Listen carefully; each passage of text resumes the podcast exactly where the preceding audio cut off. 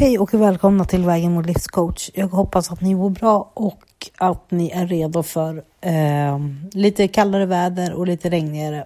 Eh, september var ju väldigt varmt, om vi får säga så. Men jag tror att oktober kommer bli lite kallare och lite mer höstliknande.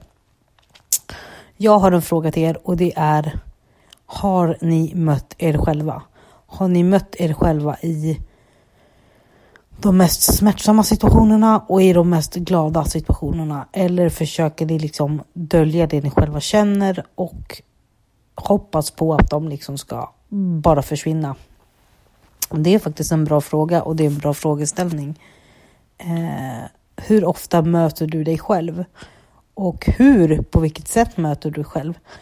Eh, tar du dig den tiden när du väl känner att någonting är fel eller någonting är väldigt bra, att du verkligen stannar upp och ja, men, tar tag i känslorna, möter dig, alltså ser dig själv i vitögat som man skulle kunna säga.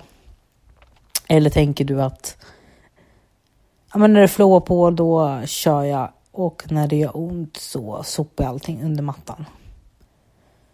Jag är inte expert på att möta mig själv så, men jag har blivit bättre. Jag försöker alltid möta mig själv. Eh, försöker alltid bearbeta mina känslor. För att det blir inte lättare av att lägga dem på, på lut liksom.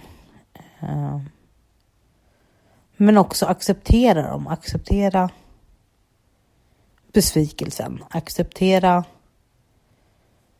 eh, misstagen. Men någonting jag också märkt är att jag kan förmedla även de smärtsamma känslorna till en person. Eh, till personerna som faktiskt är involverade i det. Då tänker jag att är du besviken på någon, säg det då. Sen behöver man inte säga det på ett taskigt sätt, man får ju tänka på hur man lägger upp det. Men att faktiskt erkänna att vet du vad, nu gjorde det här mig ledsen eller nu blev jag besviken på det här. För att gör du det så ställer du också upp för dig själv. Och hur ofta gör du det här? Hur ofta står du upp för dig själv? Det är en bra fråga och det är någonting jag tycker att ni ska fundera på. Oj, förlåt. Eh, det går inte att prata och dricka samtidigt. eh, vad var jag? Just det. Att, att acceptera sina känslor, att erkänna det man känner för någon annan. För att stå upp för sig själv. Så var det. Eh, det kanske låter lättare sagt än gjort, men testa det någon gång. Testa och eh, blir du besviken i en situation, okej, okay, det kan inte alltid bli som man vill och det kan inte alltid bli som man tänkt sig. Men det är klart att du får känna en besvikelse. Du får fortfarande känna att eh, ja, men vad tråkigt att det här inte skedde eller vad tråkigt att du inte ville det jag ville, typ så.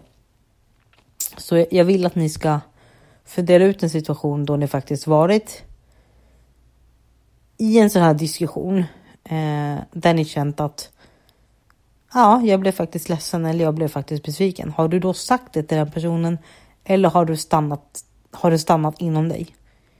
Fundera på det och hör gärna av er om det är någonting ni vill prata om eller som ni tycker att jag borde prata om. För det, det finns ju tusen olika ämnen gällande personlig utveckling och eh, hur man ska finna balansen. Men det här var liksom någonting jag fick upp på tapeten bara för någon timme sedan. Att ha, om jag har mött mig själv och om jag faktiskt eh, bemöter mina känslor. Men sen har jag också lärt mig och visat mig själv att det är okej okay att säga att man är besviken. Det händer ingenting farligt. Så var inte rädda för det, eh, utan stå på er och säg vad ni känner. För det gör också att personen i fråga ser att du respekterar dig själv. Jag önskar er en riktigt bra måndag. Jag vet att det här skulle ha kommit ut igår. Men tekniken strulade och jag gav upp. Så är det. Jag har inte tålamod till allting. Men jag önskar er en riktigt bra dag så hörs vi. Hej!